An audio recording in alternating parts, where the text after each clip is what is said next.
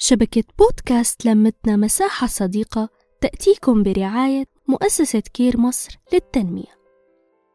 الصراع اللي داخل كل شخص فينا بين الأشياء اللي متعود عليها والأشياء اللي حابب يعملها صراع أزلي. جرعة إرادة هو بودكاست لتطوير الذات وبناء عادات إيجابية. رح شاركه معكم أنا رشا من شبكة لمتنا. مساء الخير. حلقتنا لليوم هي تتمة الحلقة الماضية بعنوان العادات الجزء الثاني. أنا متحمسة كتير وبدي بلش بعادات جديدة. بس هل لازم غير كل روتين يومي من أول يوم؟ مثلا رح فيق الساعة سبعة فرشي سناني واشرب قهوتي وأقرأ لمدة نص ساعة. وبعدين رح ألعب رياضة أو أركض لمدة ربع ساعة. وبعدها رح أتحمم وأروح على شغلي. يا ترى هذا الشي صح؟ أكيد لأ. رح تستمري؟ بس مو كتير. ليش يا ترى؟ لأنك لما بديتي عملتي أكتر من عادة. من الفئة بكير للقراية للرياضة للحمام. أنشطة كتير ووقت طويل. رح يسبب الملل والضغط وما رح تلاقي حالك غير وقفتي.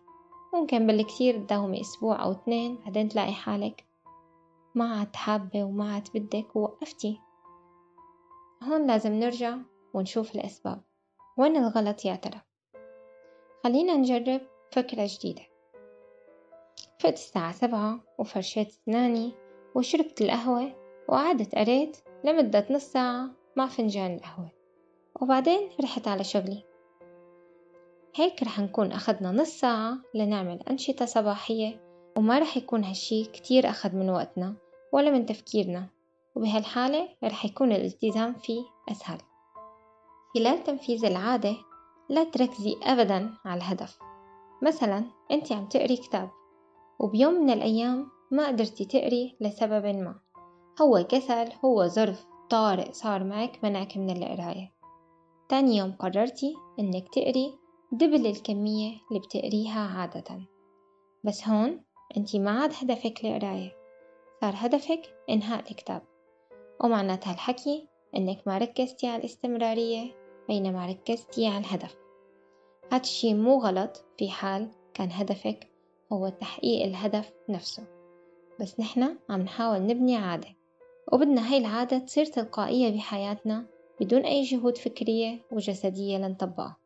فنحن لازم نركز على الالتزام والاستمرارية فقط والنتائج منتركها لبعدين. الصح بهي الحالة إنه أولا ما نخلي حالنا نترك العادة لأكثر من يومين. لما بيكون عنا أشغال كتير وضغوطات نقدر بدل إلغاء العادة نقصر وقتها. يعني بدل من إني أقرأ لمدة 30 دقيقة باليوم رح أقرأ لمدة 10 دقايق. هيك بكون حافظت على العادة وما قصرت بمهامي التانية. طيب أنا هلأ حابة بلش بعادات جديدة صغيرة وبتأثر بحياتي على المدى البعيد. أول شي بدي أعمله إني أدور على الأشياء اللي حابة أعملها وليكن تعلم لغة جديدة مثلا. نحن ناقشنا قبل قديش الكتابة بهدف التنظيم شي مهم وبيساعد على ترتيب حياتك وتنفيذ مهامك بصورة مريحة بدون ضغط وبدون فوضى. حاولي اكتبي الشي اللي بدك تعمليه قبل ما تبلشي واكتبي أفكار مبسطة عن الشغلات اللي حابة تعمليها بالمستقبل بما يخص هاي العادة. وبعدين رح نختار البرنامج أو التطبيق أو الموقع أو الكتب المناسبة اللي رح نتعلم منها ونكون مقتنعين فيها عشان ما نوقف خلال ممارسة هاي العادة لمشكلة ما. وهذا الشي ممكن يخلينا نترك هاي العادة أو نمل منها. اختاري وقت معين لهي العادة وليكن مثلا الصبح أول ما تفيقي وقبل ما تبلشي بالمشاغل اليومية وحددي وقت معين مثلا نص ساعة فقط. ولحتى تتعودي إنك أول ما تفيقي لازم تتوجهي لتعلم هاي اللغة لازم تعملي أشياء تذكرك. مثلا تشغلي المنبه أو تلوني هذا الجزء من الساعة عندك على الحيط. أو مثلا تحطي ورقة تذكير على المكان اللي بتروحي عليه وقت اللي بتصحي وليكن جنب ترميز القهوة أو تحطي هاد الكتاب أو دفتر التعليم بمكان كتير ملفت ورح يخليكي أول ما تصحي تشوفيه وتتذكري. إذا كان تطبيق أو برنامج على الموبايل فيك تحطيه بنص الشاشة مثلا وإذا كان موقع فيك تعملي له اختصار على المتصفح وأول ما تفتحي ال browser رح تلاقيه. اكتبي تقدمك. واعملي habit tracker اللي هو إنك تكتبي تقدمك بشكل يومي.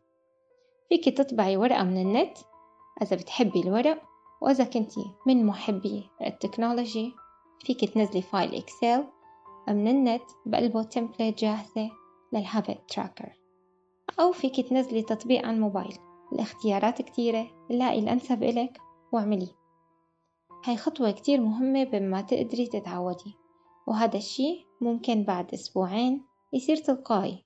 وفي حال كان عندك قدرة مالية حاولي اشتركي بشي مدفوع لأنه معظم الناس بحسوا بالالتزام أكتر وقت يكون شي مدفوع.